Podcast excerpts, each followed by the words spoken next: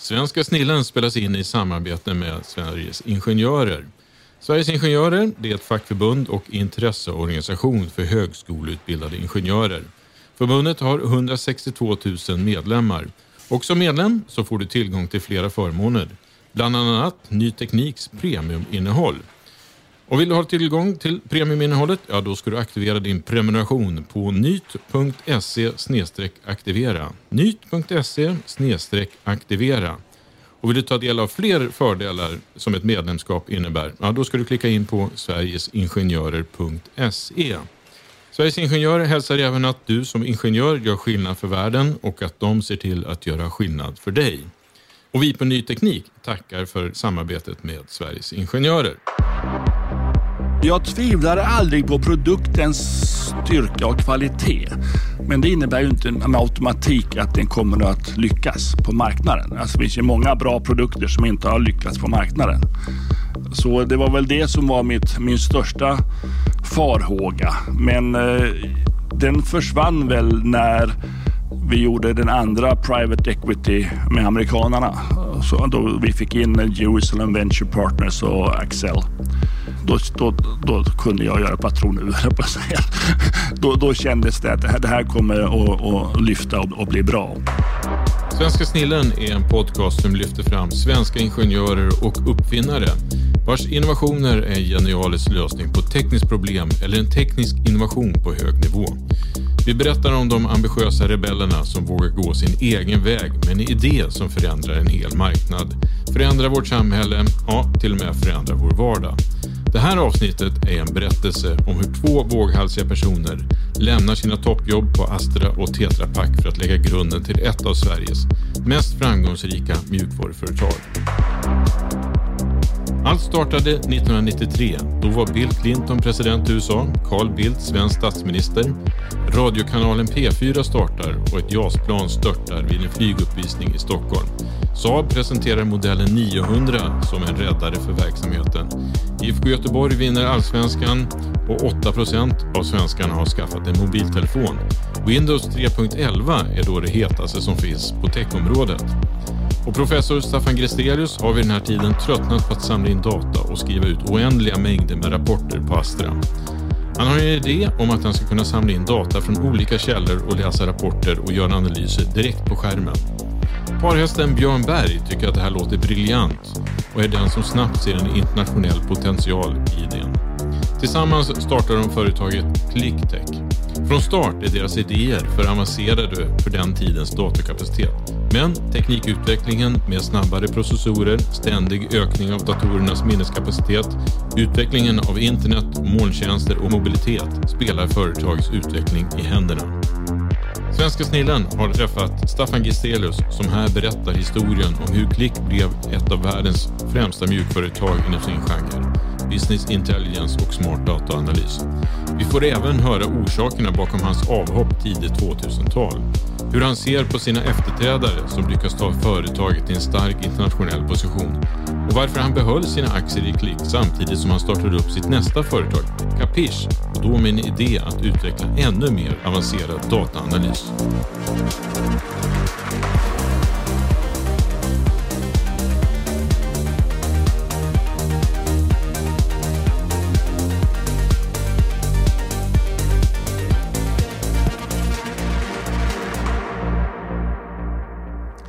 Ja, jag eh, föds och växer upp här i Malmö och eh, ja, har eh, varit, vi gick, bodde i Stockholm när jag gick ettan, tvåan, trean, fyran. Därav att jag kanske inte pratar jättemycket malmöitisk dialekt men för övrigt har jag gått alla övriga skolor här i Malmö och läst sen på Lunds universitet och Lunds tekniska högskola. Och ja, hållit mig i regionen utom när jag gjorde lumpen för att vara i Uppsala. Mm. Vi gick på tolkskolan där. Men du, var du alltid tekniskt intresserad och, var det alltid, har det alltid funnits runt omkring dig, intresset? Eh, ja, det har det varit. Jag ägnade merparten av min ungdom åt att bygga med en, en, en byggstad som heter Teknik på den tiden. Där man kunde bygga lyftkranar och bilar och ja, sånt höll jag på med och skruvade och donade. Men är det, var det typ ett mekano? Ja, det var ett mekano ja. ja. Fast det var lite hårdare. Metallen i Mekano var lite mer böjbart och mjukt. Här var lite hårdare grejer som höll lite bättre. Och hur, kom det sen då, hur kom det då sig sen att du kom in på Lunds universitet och ägnade åt eh, den tekniska delen? Eh, ja, eh, jag gick ju naturvetenskaplig linje i gymnasiet och sen hade vi någon slags grupptryck i klassen att vi skulle börja läsa teknisk fysik allihopa. Jag tror vi var sju från klassen som började läsa teknisk fysik. Jag, jag tror inte alla fullföljde det, men jag fullföljde det i alla fall. Så eh, fysik tycker jag är roligt och matematik har jag alltid haft lätt för. Så jag, det var inga större problem att ta sig igenom de fyra åren på Lunds tekniska högskola. Men du fortsatte eh, på universitetet också och utbildade ja, ännu mer? Jag började läsa medicin år två, så jag läste faktiskt medicin och teknisk fysik parallellt i två och ett halvt år. Och höll faktiskt studietakten på bägge linjerna. Ja. Jag vet inte om man får göra det nu för tiden, men jag tror det. då gick det i alla fall. Ja. Men var det självklart för dig att du skulle välja den här inriktningen? Eller var det grupptrycket? Nej, för mig var det ganska självklart. Mig, absolut. Jag nej, för mig var det klart. För teknisk fysik var ju den... Eh, om man inte vet vad man vill bli så var teknisk fysik det mest generella. För man kunde liksom allt och inget om man säger så när man kom ut på andra sidan. Man kunde räkna på det mesta och, och man behövde liksom inte bestämma sig för om man skulle bli de andra var liksom mer uppenbara väg och vatteningenjör eller arkitekt. Och liksom, då hade man liksom sin, satt sin eh, professionella bana lite hårdare. Men teknisk fysik fanns det ju liksom, det var fortfarande wide open när man kom ut. Så det var ju snarast i, i brist på att inte veta vad man vill bli så väljer man något generellt och då blev det teknisk fysik. Och hur var det att studera det här på 70-talet här i Lund? Då? Ja, nej, det, det, var ju mycket teori och det är väl fortfarande skulle jag tro. Det är mycket matematik och modellerande. Man lär sig att göra matematiska modeller av det mesta. Mm. Och eh, ja, man var ju inne på ja, diverse olika teorier. Allt ifrån kärnfysik till atomfysik till um, mekanik och hållfasthetslära och ren fysik och lite fysikalisk kemi också. Det var verkligen ett smörgåsbord kan man säga. Var, man har varit inne och fuskat på nästan allt. Och, och kan du allting fortfarande? Eh, nej, men jag får väl säga att jag har aldrig upplevt utbildning som något negativt i, i mitt vidare liv utan snarare tvärtom. Jag tycker det är ganska bra. Jag har ju läst både biologi och fysik och språk och så. Och det gör att man förstår ju det mesta. Och eh, det där tror jag var en mycket bra blandning. Så eh, att ha mycket utbildning är inte helt fel. Nej, det är att rekommendera helt enkelt. Det är att rekommendera, ja. Jag tittar lite på ditt CV och då, ditt första jobbet är 1986 då på Astra och då står det att du var IT-direktör. IT Director. Det var inte mitt första jobb. Mitt första jobb var på Tetra Pak faktiskt. Aha där jag var, jobbade med logistik i två år. Alltså på utvecklingsavdelningen, alltså Tetra Pak Development som hette på den tiden, var jag, jobbade jag med logistik där. Vilket i princip innebar att jag reste runt i världen och höll seminarier om logistik för Tetra Paks kunder. Men du var, måste ha varit ganska, måste varit ganska ung då när du reste runt och berättade för andra hur de ska göra? Eh, Ja, det var jag väl. Jag måste vara 30 ungefär. Jag var inte så ung, för jag hade disputerat redan. Va? Så jag, hade ju, jag, jag var på universitetet i tio år va? ungefär och, och läste då alla dessa ämnen. Mm. Och, ehm, och sen, sen sökte jag då och hamnade på Tetra Pak i två år och sen började jag på Astra Draco som numera heter AstraZeneca. Ja, precis. Eh, och då stämmer det att du var IT-direktör? Jag började som IT, ja, jag blev lite headhuntad kan man säga till att bli IT-direktör på, på Astra Draco. Därför att jag, jag var ju disputerad forskare inom medicin. Va? Och det gjorde ju att jag hade ju, och det här var en forskningsinstitution. Vilket gjorde att det var ju, kanske, de tyckte väl det var lämpligt att ha en eh, som, ha, som hade förståelse för verksamheten som dessutom blev IT-chef där och inte hade någon ekonomibakgrund eller något sånt där som många senare AU-chefer som jag blev. Jag har haft många titlar med samma jobb. Mm. Eh, så, så eh, hade jag ju i alla fall en forskningsbakgrund så jag kunde förstå och prata med labbchefer och, och det var mest laboratorier, olika labbchefer får man säga att det var. Vad var det för beslut som du som IT-direktör då, eller IT-chef på den tiden var, var tvungen att fatta? Jo, jag införde Oracle som relationsdatabas till exempel. eh, vilket man just hade slängt ut, som jag återinförde relationsdatabaserna. Eh, och sen så standardiserade vi mycket. Eh, det var faktiskt eh, det var ingen styrning tidigare. Man hade inte haft någon IT-chef. Vilket gjorde att eh, det var, man gjorde olika saker på olika avdelningar. Så det var ju ganska mycket standardiseringsarbete och dra ihop de som var IT-människor och programmerare, som i och för sig inte var så speciellt många, men att centralisera dem där. Och eh, ja, prata med fack och och Så det var ju ganska... Eh, man kom ju rakt ut i en eh, och blev chef så att säga i en organisation där man var tvungen att ta hänsyn och omorganisera lite och flytta runt folk och anställa folk och så. Ja, var du en bra chef där? Jag tror att jag var en bra chef där, ja. Mm. Eh, vi hoppar vidare då till 1993 då du och Björn Berg då grundade Clicktech. Eh, och det här är då en tid då Bill Clinton är president i USA, Carl Bildt är svensk statsminister och Windows 3.11 är typ det hetaste som finns på PC-marknaden. Eh, hur kommer det sig att ni startar företaget och vad var affärsidén? Ja, vi hade väl inte riktigt samma affärsidé, men eh, Björnberg hade jag lärt känna på Tetra Pak. Han var min chef, på, han som anställd med på Tetra Pak. Och vi hade haft lite kontakter fram och tillbaka eh, under åren. Och, eh, sen kom han hem ifrån Schweiz och slutade på Tetra Pak och sa till mig nu ska vi starta företag ungefär. Och då hade jag varit på Astra i sju år. Så det, det var ju inte helt feltajmat om man uttrycker det så. Eh, det man inte gör på, som sju år på chef, det vet katten man. Då, då ska någon annan hålla på och ta vidare. Så jag var ju inte helt negativ till detta. Samtidigt har jag ju sett ett problem som låg till grund för, för vad Klick är och Klick blev så att säga. Och det var att vi hade just infört relationsdatabaserna. Så vi började mata in saker i de där databaserna när vi utvecklade våra system. Problemet var att när man väl fått in det så, så låg det där. Men man skulle, det vore bra om man kunde få ut det också på något, på något bra sätt. Och eh, på den tiden då så, så hade man rapportgeneratorer. Man skrev rapporter. Man tog ut rapporter från databaser. Och det var i princip tabeller som man sen skrev ut på papper och la ut i folks postfack varje vecka. Eller sånt där. Och eh, vi hade några system där. Vi hade gjort 300-400 olika rapporter. Och varje gång Oracle eller Microsoft eller något annat kom med en ny release så skulle man ju testa att alla fortfarande fungerade. Det var liksom sådana standard operating procedures. Så man skulle liksom kolla att allting funkade. Och eh, det där var ju dödtråkigt. Skriva ut 300-400 rapporter och se att de är likadana. Så det tog ju och så där var ju, inser man att, och de där rapporterna, varför var det så många rapporter? Jo, det fanns ju så många olika frågor man kunde ställa mot databasen. Och varje gång man skulle ha någon ny fråga så var man tvungen att skriva en ny rapport.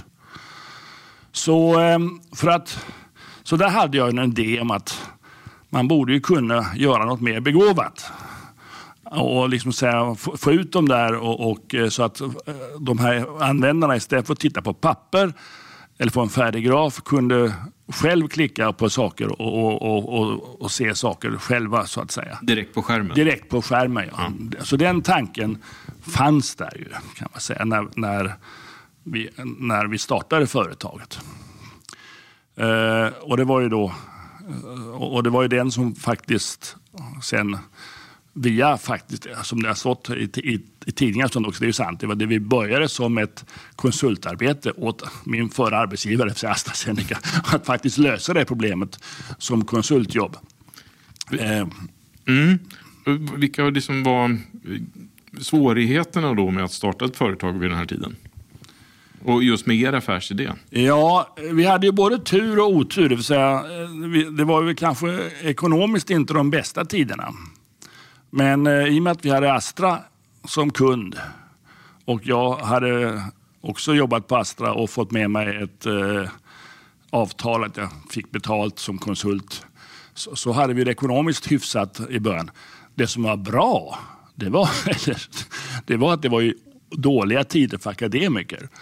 Så vi kunde ju anställa enormt duktiga människor Eh, vilket ju är svårt idag. Är det jättesvårt att få tag på folk. Det var det ju inte då kan jag säga. Så det, det, det, var ju, och det finns ju två människor jag måste nämna här. Det är ju Håkan Wolge som var Wizard Programmer och Henrik Kronström som gjorde stora insatser mycket tidigt också. Skrev manualer och fattade vad vi skulle göra och så vidare. Så vi var ju, man gör ju inte ett företag ensam.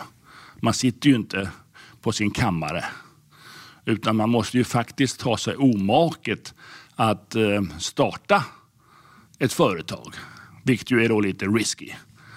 Och då måste man även, som jag hade, ha en förstående och klok och välutbildad hustru som eh, säger att jag klarar nog av även om det här ska gå åt hels... Ja, om det inte går bra så, så kommer familjen att finnas kvar.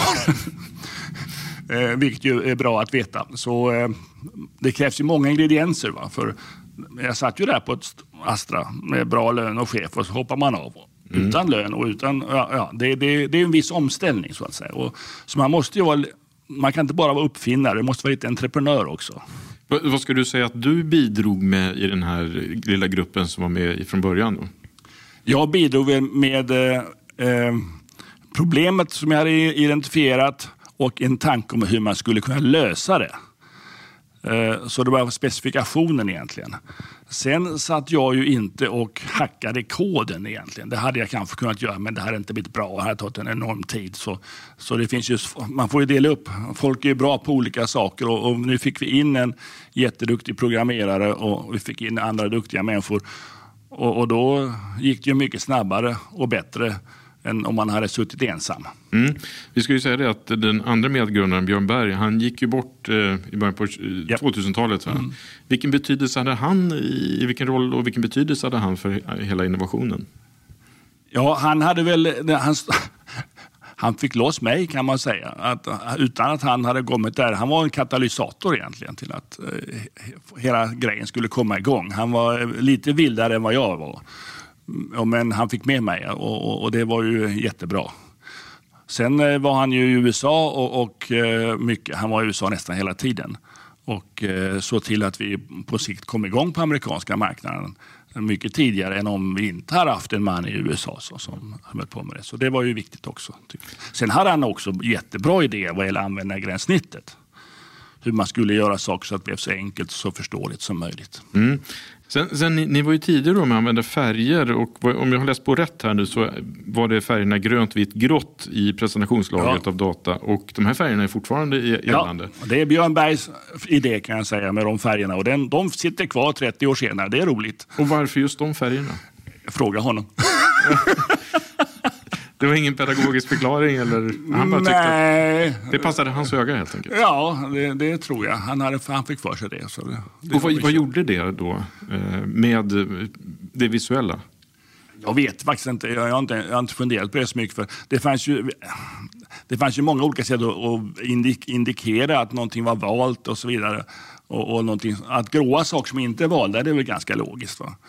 Men att det, skulle, det blir grönt va? när man mm. trycker på. Och, och sen uh, blir de andra, några förblir vita kanske. Och, och, och, så, och vidare. Ja, så om man, om man något tror jag blir rött faktiskt. Och det är ganska logiskt att, att något blir rött.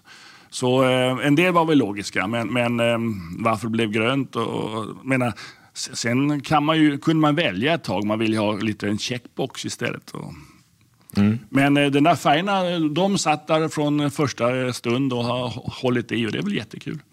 Sen då 1997 så är det en Göran Olsson på Industrivärden som... Industrifonden. Industrifonden, precis.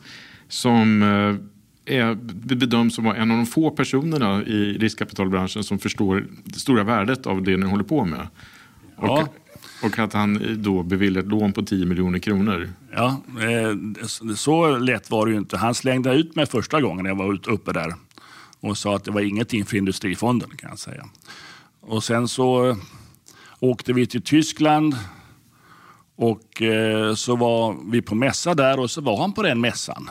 Och då kom han förbi och då började han tycka ja men det kanske är någonting ändå.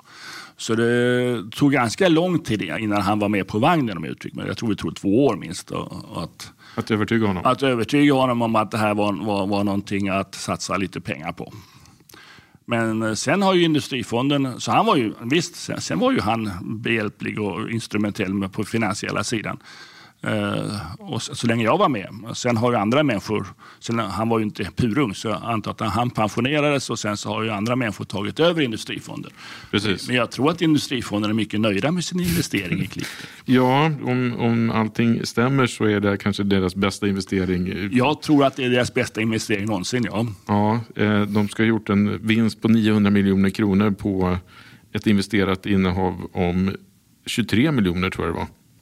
Ja, det, de borde ha kunnat tjäna mer, men uh, jag vet ja, inte. Det, det är de siffrorna som ja, nämns. De, ja, Okej, okay. men det, de är nöjda i alla fall.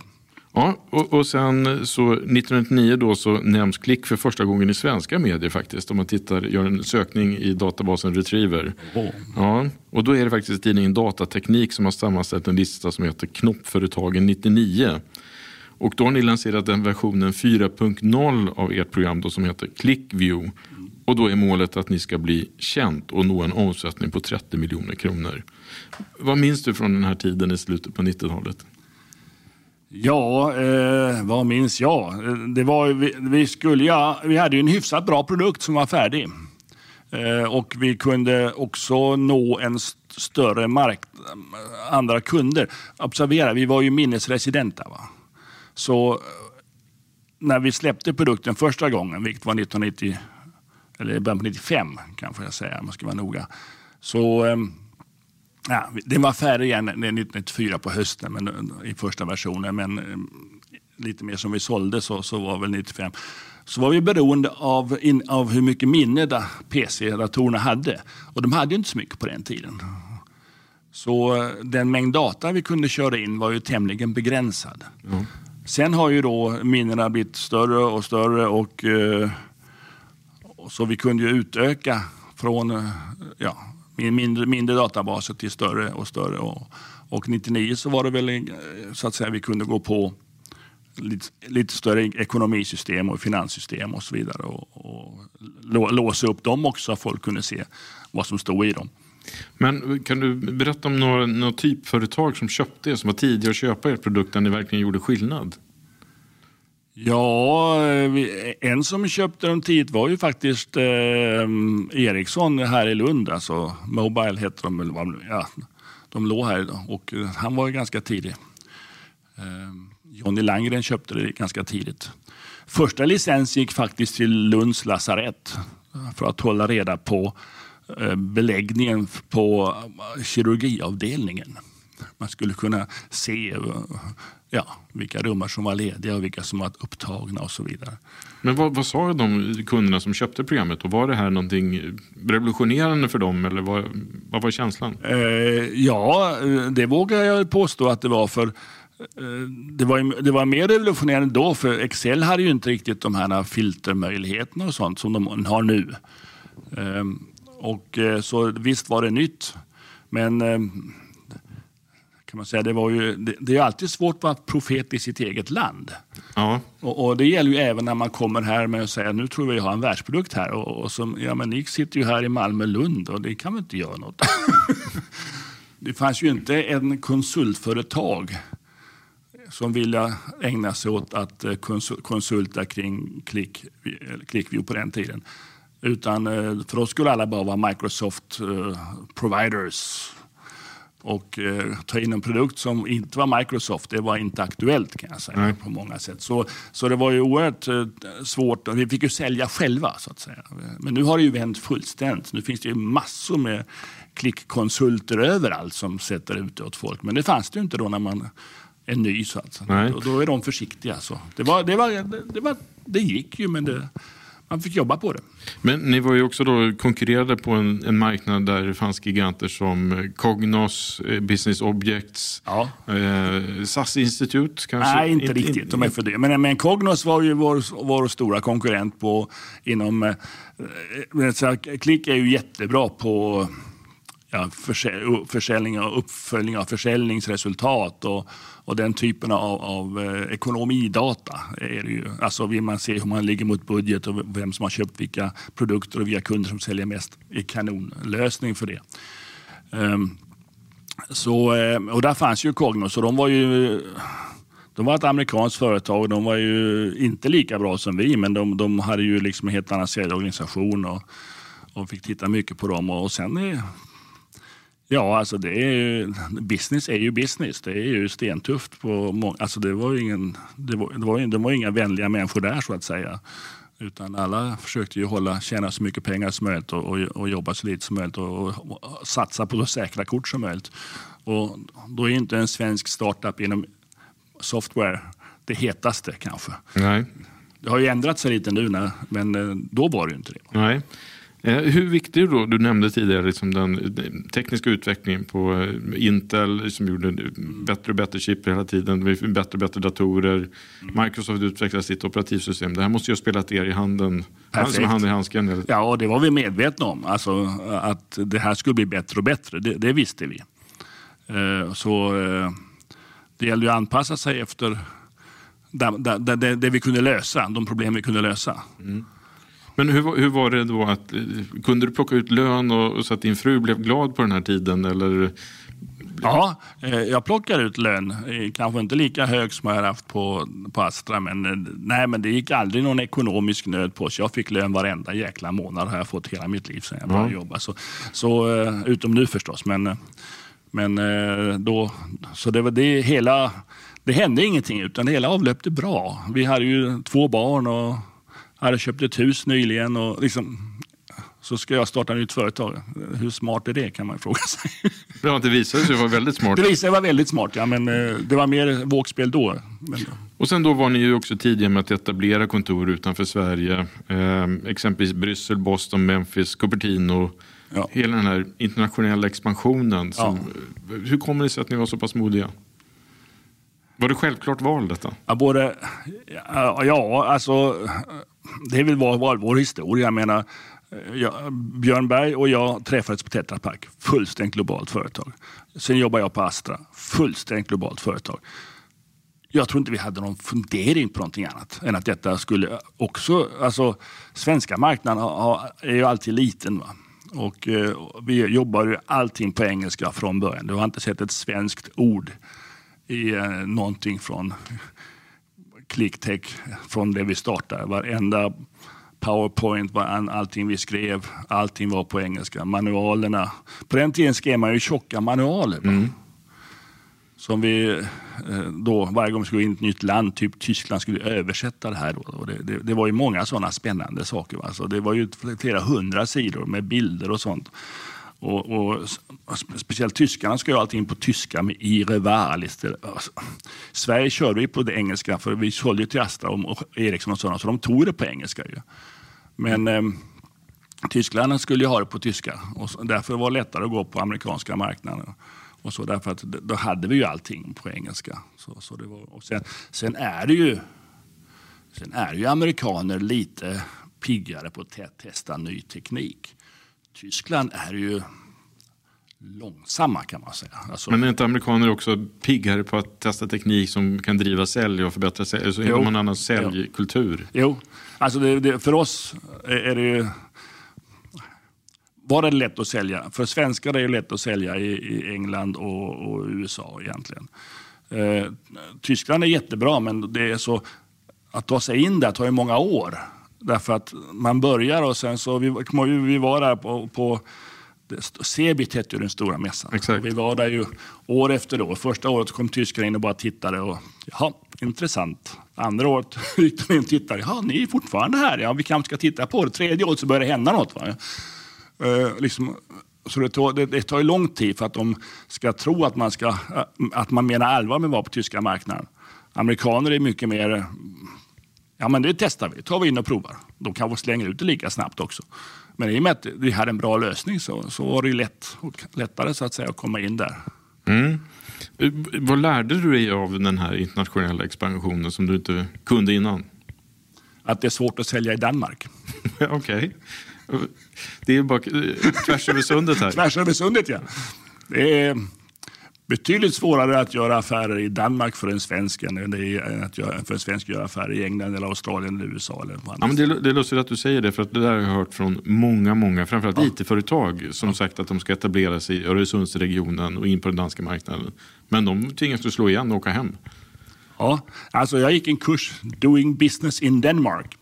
Och det var mycket, man lärde sig mycket. Alltså, det är nära och vi är där ofta som turister men... men ehm, vad, vad är det som är så problematiskt? Eh, danska företag fungerar helt olika från svenska företag. Kan du ge exempel? Eh, de är både mer hierarkiska och samtidigt lite vildare eh, än vad svenska är. Och, eh, de slutar aldrig förhandla. Eh, de, du tror att du har skakat hand och är nöjda och sen kommer de tillbaks på, på kvällen eller på parkeringsplatsen och så har de, vill de ha någon förändring. De är jätteduktiga affärsmän. De är fantastiska. Jag menar, har bara dessa fantastiska danska uh, tradeföretag.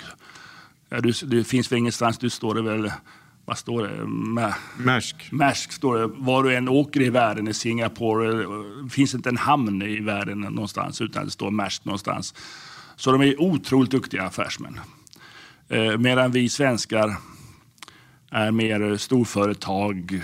Vi, menar, vi, vi har byggt vår, vår, vår, finansiella styrka på ja, stora internationella företag som Volvo, SKF och, ja, och, och både jag och, och, Björn kommer från storföretag också. Med svensk kultur ska jag väl tillägga. Mm. Och, och eh, det där är en stor mental omställning så, att, så att säga, för att komma in där helt enkelt. Så jag tror man ska ha en dansk i Danmark. Man ska, i, i, I princip tror jag alltid man ska ha en, en lokal säljare. Alltså du, du, ska ha en amerikan i USA, du ska ha en dansk i Danmark och så vidare. Så, men, eh, så det var, jag trodde det skulle vara lätt, men, eh, för det var geografiskt så pass nära, men det är inte lätt. Fanns det gånger du tvivlade på att ni skulle bli framgångsrika och nå, bli en internationell gångbar produkt? Eh, jag tvivlade aldrig på produktens styrka och kvalitet. Men det innebär ju inte med automatik att den kommer att lyckas på marknaden. Alltså det finns ju många bra produkter som inte har lyckats på marknaden. Och, ehm, så det var väl det som var mitt, min största farhåga. Men eh, den försvann väl när vi gjorde den andra private equity med amerikanerna. Så då vi fick in Jerusalem Venture Partners och Axel. Eh, då, då, då, då, kunde jag göra patron ur. på. Då, då kändes det att det här, det här kommer att, att lyfta och, och, bli bra. Mm. Men eh, fram tills dess var jag väl eh, lite tveksam om man, eh, alltså rent försäljningsmässigt, skulle lyckas eh, fastän produkten Produkten har jag aldrig tvivlat på. Men mitt i IT-yran då så värvar ni Lars Björk till företaget och rollen som CFO. Och han blir ju sedermera ja. CEO ja. eller VD. Ja. Eh, vad, vilken betydelse hade han för företaget eh, och dess framväxt? Ja, eh, jag, jag, jag, tror han förstod produkten. Och, och eh, sen, jag, jag försvann ju ungefär vid den, vid den eh, tidpunkten när, när han gick med. Eller så, men eh, sen tror jag han gjorde ett jättebra jobb som, som vd sen när vi gjorde hela börsintroduktionen och åka runt och hålla alla dessa trade shows. Alltså det är ganska mycket jobb och repetitivt. Det är ganska tråkigt jobb. Mm. Och, jag för min del, jag var ju inte alls trakterad av att jag är lite mer uppfinnare och liksom entreprenör. Ja, du, för du hoppade ju av i år ja, 2000? Jag, jag har hoppat av kapitel också. Nej, men alltså, jag tycker det är kul att dra igång en och, och få upp någonting i början. Och, sen så, men, men sen blir ju alla företag vanliga företag kan man säga. Även om du själv har, har startat det och, och, så, så, så när man börjar bli en 50-60 personer så blir det liksom ett, ett mer vanligt företag av det. Va? Och, och, och, då, då börjar man ungefär som det jobbet jag hade på Astra. Eller alltså, då, blir man ju, då kan man lika visst du kanske är delägare i alla fall, men ditt jobb är som om du kunde jobba på vilket annat företag som helst. Och mm. eh, har man då möjligheten, som jag då har lyckats ha, att kunna börja om med nya andra spännande saker eller, eller få andra idéer så, så, har ju det trakterat mig oerhört mycket mer än att sitta kvar i, i ett företag. Men, men eh, du kliver av 20, år 2000. Ja. Eh, hur förändrades då ditt förhållande till eller Klick under den här tiden under de första tio åren. Du var ju, stod ja. kvar också som passiv minoritetsägare, eller hur? Ja, ja, jag var med, ja, jag var med hela vägen. Jag, jag sålde ingenting för jag trodde på produkten. Ja. Men hur var ditt förhållande till, till företaget? Ja, in, inget alls kan jag säga. Utan jag lät dem som, medan när de här människorna kom in och styrde och ställde, vad här skulle jag göra? Jag, jag är ju ingen marknadsförare eller säljare. Men det fanns ingen schism där eller? Ja, lite i början kanske. Jag tyckte de, väl, väl var, de gjorde vissa försök att, att ta över företaget för en billigare penning än vad jag tyckte det var värt. Och, men den striden vann jag kan jag säga. Så, så eh, det, det, blev inga, det, det, det blev bra. Det, men eh, man kan ju säga så när, när folk får för sig att någonting kan bli oerhört värdefullt, som man då har fått för sig att det kan bli ett miljardföretag. Då får vissa personer genomgå personlighetsförändringar och eh, börjar bete sig på ett sätt som de inte hade gjort om det inte hade varit värt så mycket pengar. För man börjar ju se då att, ja, men herregud, jag kan ju bli rik och jag kan göra det och jag kan göra det. Och det är ganska farligt för företaget för man ändrar ju fokus så att säga. Från att eh, försöka göra företag så, så bra som möjligt till att man, man, kanske själv vill ha, vill ha större del eller någonting annat. Mm. Så, och det där är ju, det drabbas man ju inte av om man, om man inte lyckas. Men om man lyckas så, så, är det, så kan det bli så. Det, det var ju min erfarenhet, eller vår erfarenhet också. Att det blev ju, man blev ju hackat på i och med att, det var, att man kunde se att det skulle bli bra. Men du fattade ju också att det skulle bli bra även fast efter att du klev av i och med att, ja. du, i med att du behöll dina aktier. Ja, ja, ja, ja, jag har aldrig, alltså jag har trott på produkten för den har varit unik och suverän hela, hela tiden. Jag använder den än idag. Och jag har kört den sen, jag har kört ClickView i Ja, ja, sen 1994 nästan dagligen. Det är en fantastisk produkt. så jag har inga problem med det. Ja, I alla fall 2010 så eh, börsnoteras ju Klick då till, och värderas till 6 miljarder kronor och en värdering som snabbt ökar till 10 miljarder och idag är det ju mycket, mycket mer. Eh, och här tjänar du då en hacka. Eh, ja. Är du nöjd? Jag är mycket nöjd. Vi är alla mycket nöjda vågar jag påstå. Ja. Som var med på resan. Eh. Och som inte sålde förrän då. Precis. Du var smart.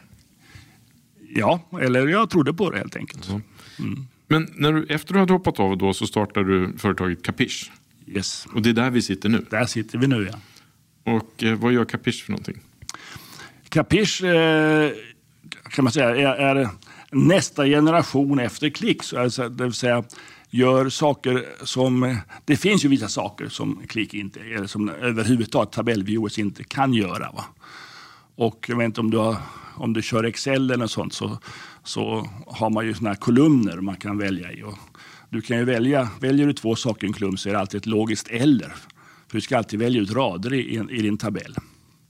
Och det passar ju jättebra om man ska, om man ska titta på, på produkter och försäljning och sånt. Då, då stämmer den här logiken. Du har eller inom en kolumn och, du har och mellan kolumner. Men om man nu är till exempel läkare eller medicin så vill man veta, ja, den här patienten har tagit både den och den medicin eller haft både den och den sjukdomen. Eller som i covidfallen. Har man fått en och har man tagit två stycken eh, vaccinationer eller haft covid? Det är ju frågor som inte går att, att, att, peka ihop i, i, i vare sig Clickview eller de andra motsvarande viewers så att säga. Och det där var jag ju medveten om redan från när vi släppte ut Klick på marknaden. Det här är ju är begränsad logik men det löser ju en jäkla massa problem. Så alla som inte har mer avancerad logik än så, de kan ju få nytta av detta. Men Eh, eh sen var, så blev jag lite sur på att man vill ju fixa till det här också. Va? Så att man kan göra ännu mer, jämföra grupper med varandra. Och, och nu jobbar vi då mycket med, med, med eh, kliniska prövningar och, och, medicinsk information för att kunna se vilka patientgrupper eh, eh, kan vi hantera bra, vilka kan vi inte hantera bra, vad är för skillnad mellan dem. Och, och, och då är det massor med sådana här frågor med man plockar ihop en grupp som har det och det och det eller haft det. Och, sånt där som inte går att göra då i de andra mer ekonomiskt eh, in, en ekonomiskt eh, ja, vad kan man säga, de är inriktade på, på marknaden för ekonomisystem där allting är tabeller från början. Men inom medicinen så är ju inte tabeller från början. Mm. Utan jag kan ju ha Mät, eh, man kan, man, det finns hur många olika behandlingar som helst, det finns hur många mätningar man kan göra som helst. Så det är mycket bredare och mycket mer komplicerat. Och då måste man ju, kan man ju inte ha den här tabellen som grund utan du måste plocka sönder tabellerna i ännu mindre delar. Och Det är det vi gör i Capiche kan man säga. För om du ställer en fråga som det och det så måste du veta vad är din... Eh, vilken är din eh, ja, viewpoint på engelska? Heter det, alltså, vad, ditt perspektiv. Alltså. Det och det, är det på patienten? Är det sjukhuset? Är det läkaren? Alltså, du måste bestämma dig. Om man gör det med tabeller och med eller så behöver du inte bestämma dig. Därför, det är det som är så praktiskt. Där. För gör man det så ja, men du har valt de här raderna. Och du, du behöver inte alls berätta någon, varför. Eller, mm. Men ska du göra och så måste du göra och på vad då? Och, och, och, det är ju en helt annan skillnad. Likadant om jag gör eller mellan. Måste jag göra eller på vad då? Mm. och då måste du kunna bygga in den där frågan, eh, ditt perspektiv i frågan. Och det är det vi gör på Capish. Vi kan bygga in perspektiven i frågan och det gör att vi kan då plötsligt göra mycket mer avancerade analyser av data och slutanvändaren som förstår data. Det är samma tanke här som med, som med klick fast nu är vi liksom 30 år senare och, och kan göra mycket mer avancerade eh, sökningar. Eh, för de som behöver det kan jag säga. Men om vi då skulle titta, du hade en förklaring till varför din döpte företaget till, till Klick. Ja. Varför döpte du ditt här, det här nästa företag till Capiche? Capiche, ja, ja, vi tyckte vi har förstått. Vi ville att folk skulle förstå, så vi körde Capiche. Va? Vi stavade lite fel bara för att liksom, ja, bråka lite med, med, med italienarna. Så, som de sa, det här var en av de få företagen som har en gest i namnet. Liksom. Ja. Så det var lite maffia över det. Och det, det folk kommer ihåg namnet. Om man tittar på den tekniska IT-utvecklingen från ja, 2010-talet så är det framförallt det molntekniken som, som slår igenom. Och I och med det så också big data och mm. analytics som blir liksom de tre grundpelarna för modern dataanalys på något sätt. Och samla in data, data, data från massor av olika källor och sen analysera det. Är det här, hade du kunnat föreställa dig den här tekniska utvecklingen när du var IT-direktör på, på Astra? Nej, inte riktigt. Alltså, nätet fanns ju lite, men att det skulle finnas så mycket data åtkomligt, det hade jag inte föreställt mig. Vi höll ju dock på med, vi visste att man på med, med genen, att sätta fast alltså Hugo, Human Genome eh, projektet och att vi, att vi skulle få hantera en jävla massa gener och sånt i, i eh, inom läkemedelsföretagen. Det visste vi att det var, och vi har stora kemidatabaser också, så att det fanns stora databaser, det fanns det redan då. Eh, men nej, det, jag var inte egentligen... Nej, jag, jag hade inte den... Eh, nej, och liksom även nu, det, det, är inte det som jag tycker är intressant. Mm. Utan det är en, menar, jag försöker hela tiden göra system där människor ska förstå vad som händer. Alltså hjälpa människor att förstå. Det, det gjorde med klick, det är egentligen du som användare som ska dra slutsatserna. Det är, det är ingen AI. Och likadant gör vi nu. Det är egentligen för att läkarna och forskarna ska kunna få bättre idéer om vad de ska göra. Inte att ta bort dem och, och sätta dit en AI-grej istället. Och varför inte det? Därför att AI ger ingen förståelse. Du, du, du, kan inte, det är svårt att veta varför en AI säger någonting. Mm. Utan, eh, och, och framförallt, ja, du, nej, så vet du inte hur pass känsligt det är heller. Liksom. Om, det var, om du tog det på postnumret eller om du tog det på blodtrycket, det vet du inte. Nej. Och om vi tittar då, om vi hoppar tillbaka till Klick igen, så är det på väg att bli börsnoterat igen. Det finns över hela världen. Eh, fantastiskt många människor som använder det varje dag. Ja. Känner du stolthet? Absolut. jag känner mig oerhört stolt över ja. Klick. Absolut. Nej, jag tycker det, alltså det var... Det är jag tycker fortfarande ett fantastiskt program och eh, jag... Eh, nej, från det första, första gången liksom, eh, vi började titta på det och så har jag alltid varit stolt över, över, över den, det, det programmet. Och, och, jag tyck, och jag minns bara när, när vi första gången vi gick då genom, man gick genom korridorerna på Astra och de satt och klickade på det. Eh, första gången jag, hade, jag höll kurs på Astra, när, när jag hade satt ut klick för första gången. Och, alla, och jag visar och alla fattar. Ja, men vi fattar. Och sen så, vad, vad, vad är det ni vill veta då? Var rapporterar vi alla felen som vi hittar i databasen? Och det, jag tyckte det var en fantastisk fråga, för plötsligt såg ju alla vad som låg i databasen. Ingen mm. hade ju sett det tidigare. Plötsligt såg de det. Och man fick inrätta en speciell funktion som endast höll på att rätta databaser som användarna rapporterade in alla fel de hittade så att den här, någon som hade behörighet nog att ändra i databasen kunde gå in och ändra alla felen. Just det. Och då fick vi verkligen det här med beviset på att, att öka kvaliteten. Om, man gör det, om folk kan se vad som finns, hittar de fel och så, kan man, så blir det, ja, data blir bättre, blir trovärdigare, man kan använda den på ett bättre sätt. Så eh, allt det här jag höll på att tjata om, det, var ju liksom, det blev just besannat där. Och speciellt de som jag har pratat om det i flera år. Min egen gamla arbetsgivare. Om, du, om, om Björn Berg hade levt idag och ni hade gått ner och tagit en, en AV eller en, ja. middag ja. och tittade bak och pratat historiska minnen, vad, vad hade dykt upp då? Ja, det, det, vet jag faktiskt inte. Ja, vi hade nog pratat om eh, långt tillbaks. Eh, när, vi, när vi så att säga startade företag Tetra Pak och så vidare. Det, tror jag. För det var, ja, nej, jag skulle tro det. det. Sen är, har, har vi säkert bägge två varit jävligt nöjda. det vågar jag, för, vågar jag påstå. För eh, det här har ju blivit bättre än någon av oss hade kunnat föreställa sig egentligen. Men, men eh, så det, ja, vi är stolta och glada och nöjda över denna utveckling av, av en liten idé. Alltså man satt där i ett, ett rum och fick någon idé. Och, tyckte. och hur kommer ja. det gå för Capiche? Ja, det hoppas vi att det ska gå bra också. Det är, det är liksom en helt annan värld nu. Va? Det är mycket mer komplicerat att göra programvaror. Man ska göra någonting på, för webben. Programmera webb är ju tio resor värre än att programmera Windows. Det som tog ett år på Windows tar väl massor med år i webben. Du har inte alls samma snälla användargränssnitt. Eh, och det har ju för oss har vi, har ju legat stilla här och väntat i några år på att användargränssnitt, att HTML5 skulle komma till exempel. Så man kunde börja använda grafik och, alltså, på webben. Ett tag var det ju, alltså första HTML, det var ju så primitivt så jag vet inte mm. om det var det. Liksom. Man kunde inte göra något mer. Va?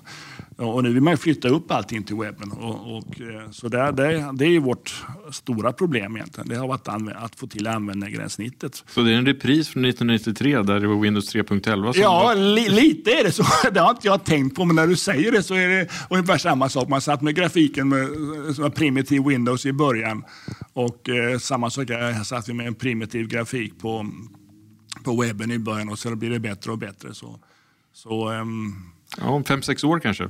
Ja, det tog ju 30 år innan man fick det här priset. Så, så tar det 30 år så ja, vet katten om man är vid liv. Men ja, det får vi hoppas. får vi hoppas ja. ja. Men eh, det, det, det är ju inga snabba ryck. Jag menar, eh, vem, vad, vi hade en investerare som sa citronerna sunar snabbt. Men det menar att dåliga företag de går åt skogen snabbt. Bra produkter, de håller länge. Och det får man säga, det har det här gjort. Och det var det lite som var min tanke. Har man en bra grej, så kommer den förr eller senare att, att sprida sig. Va? Eh, sen är det en fråga om hur pass duktig affärsman man är, eller inte säga, vilka duktiga affärsmän man kan rekrytera. Ja, och, och, motivera till att sälja den. För, för det måste ju alltid måste säljas. Stort tack för att du har lyssnat på det första avsnittet av podden Svenska snillen. Podden är en produktion från Ny Tekniks redaktion och samarbetspartner är Sveriges Ingenjörer. Podden kommer ut med ett avsnitt i månaden och i december så träffar vi en ingenjör som ska förändra en hel luftburen industri. Missa inte det. Och har du tips på svenska snillen vars innovationer är en genialisk lösning på ett tekniskt problem eller en teknisk innovation på hög nivå så får du gärna mejla till svenskasnillen nyteknik.se svenskasnillen nyteknik.se Tack så mycket för den här gången. Hej då!